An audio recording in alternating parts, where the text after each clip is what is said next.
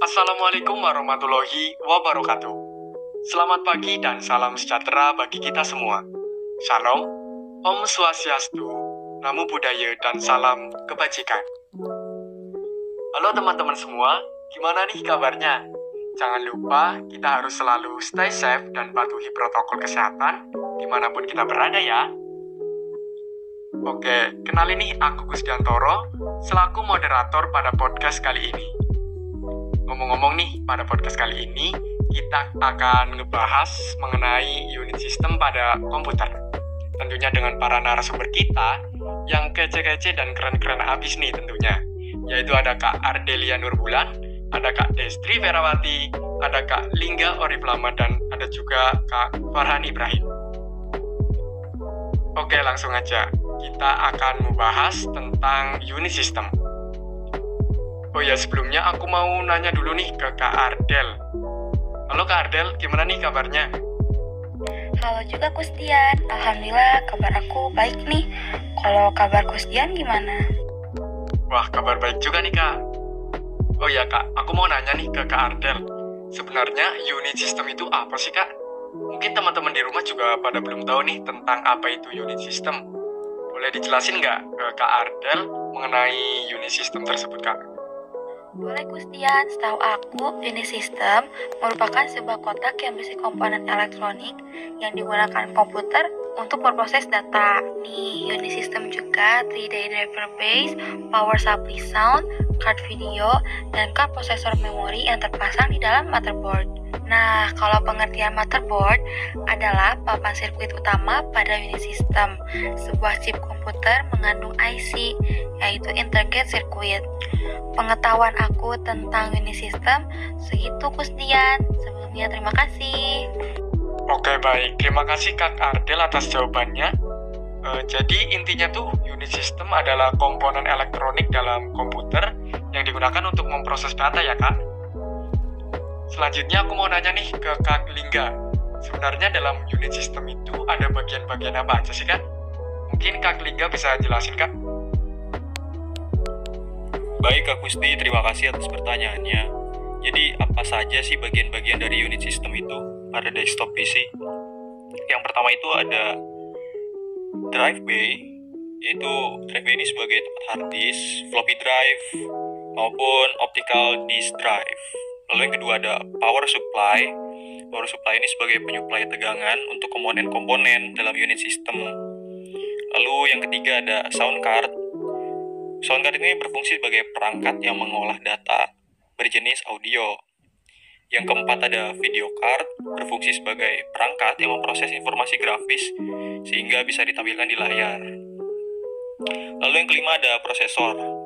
Prosesor ini bisa disebut juga sebagai otak dari komputer ya, karena berfungsi sebagai pengolah perintah yang masuk. Yang keenam ada memori. Nah, memori ini terbagi menjadi dua. Ada RAM atau Random Access Memory dan ROM atau Read Only Memory. Yang ketujuh ada motherboard, yaitu papan sirkuit utama yang berfungsi sebagai mengatur transmisi komponen ke komponen lainnya. Yang terakhir ada ports dan connector sport atau bisa disebut juga sebagai tempat untuk menyambungkan peripheral seperti mikrofon, headset, dan lain-lain. Terima kasih. Oke baik, terima kasih kak atas penjelasannya. E, jadi dalam unit system itu ternyata banyak banget ya kak bagian-bagiannya. Salah satunya itu ada prosesor, di mana prosesor disebut juga sebagai otak dari sebuah komputer. Oke, ngomong-ngomong tentang prosesor nih kak, kira-kira prosesor itu ada berapa macam sih kak jenisnya? Eh, mungkin Kak Destri bisa bantu jawab biar teman-teman di rumah juga tahu nih kak. Baik Kustian, terima kasih. Untuk prosesor sendiri terdiri dari tiga jenis, yang mana yang pertama adalah multicore, yang kedua adalah dual core prosesor, yang mana dual core prosesor ini terdiri dari dua, yang pertama itu control unit, mengarahkan dan mengordinasikan operasi-operasi dalam komputer. Kemudian arithmetic logic unit atau ALU, melakukan operasi aritmatika, perbandingan, dan logika. Dan yang ketiga adalah quad core processor. Mungkin itu saja. Terima kasih Kustian. Oke Kak Destri. Wah, ternyata dalam prosesor juga ada banyak banget ya Kak bagian-bagiannya. Seperti ada multi-core, dual-core prosesor, dan juga ada quad-core prosesor. Yang mana tentunya pada bagian-bagian tersebut juga memiliki fungsi tersendiri. Oke, kita lanjut ke pembahasan berikutnya, menyinggung tadi yang disampaikan oleh Kak Lingga bahwa di dalam unit sistem itu terdapat juga yang namanya memori. Nah, pertanyaan aku nih, dalam memori itu ada bagian-bagian juga nggak sih seperti pada prosesor? E, mungkin Kak Farhan mau jelasin nih, kayaknya udah nggak sabar banget mau Iya jelasin. nih, Kak Farhan. Oke, silakan Kak Farhan.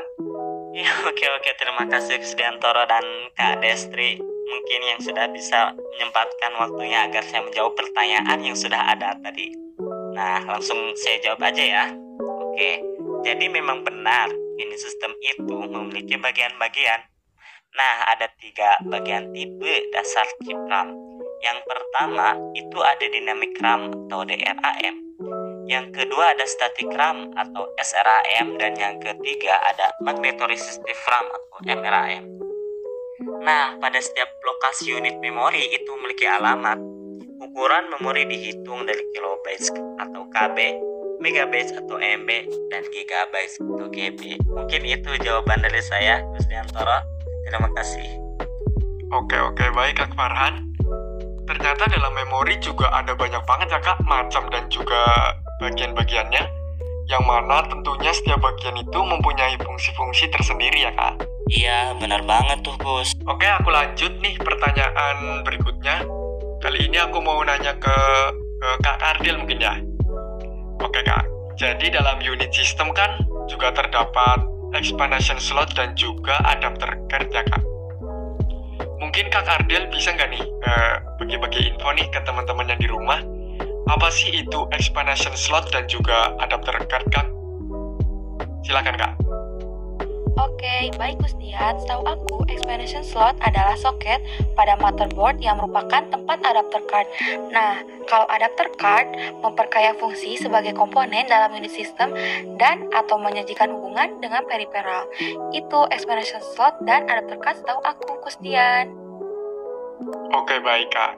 Berarti antara explanation slot dan juga adapter card itu memiliki fungsi yang saling berhubungan ya kak? Iya, bener banget Gustian. Baik kak Ardel.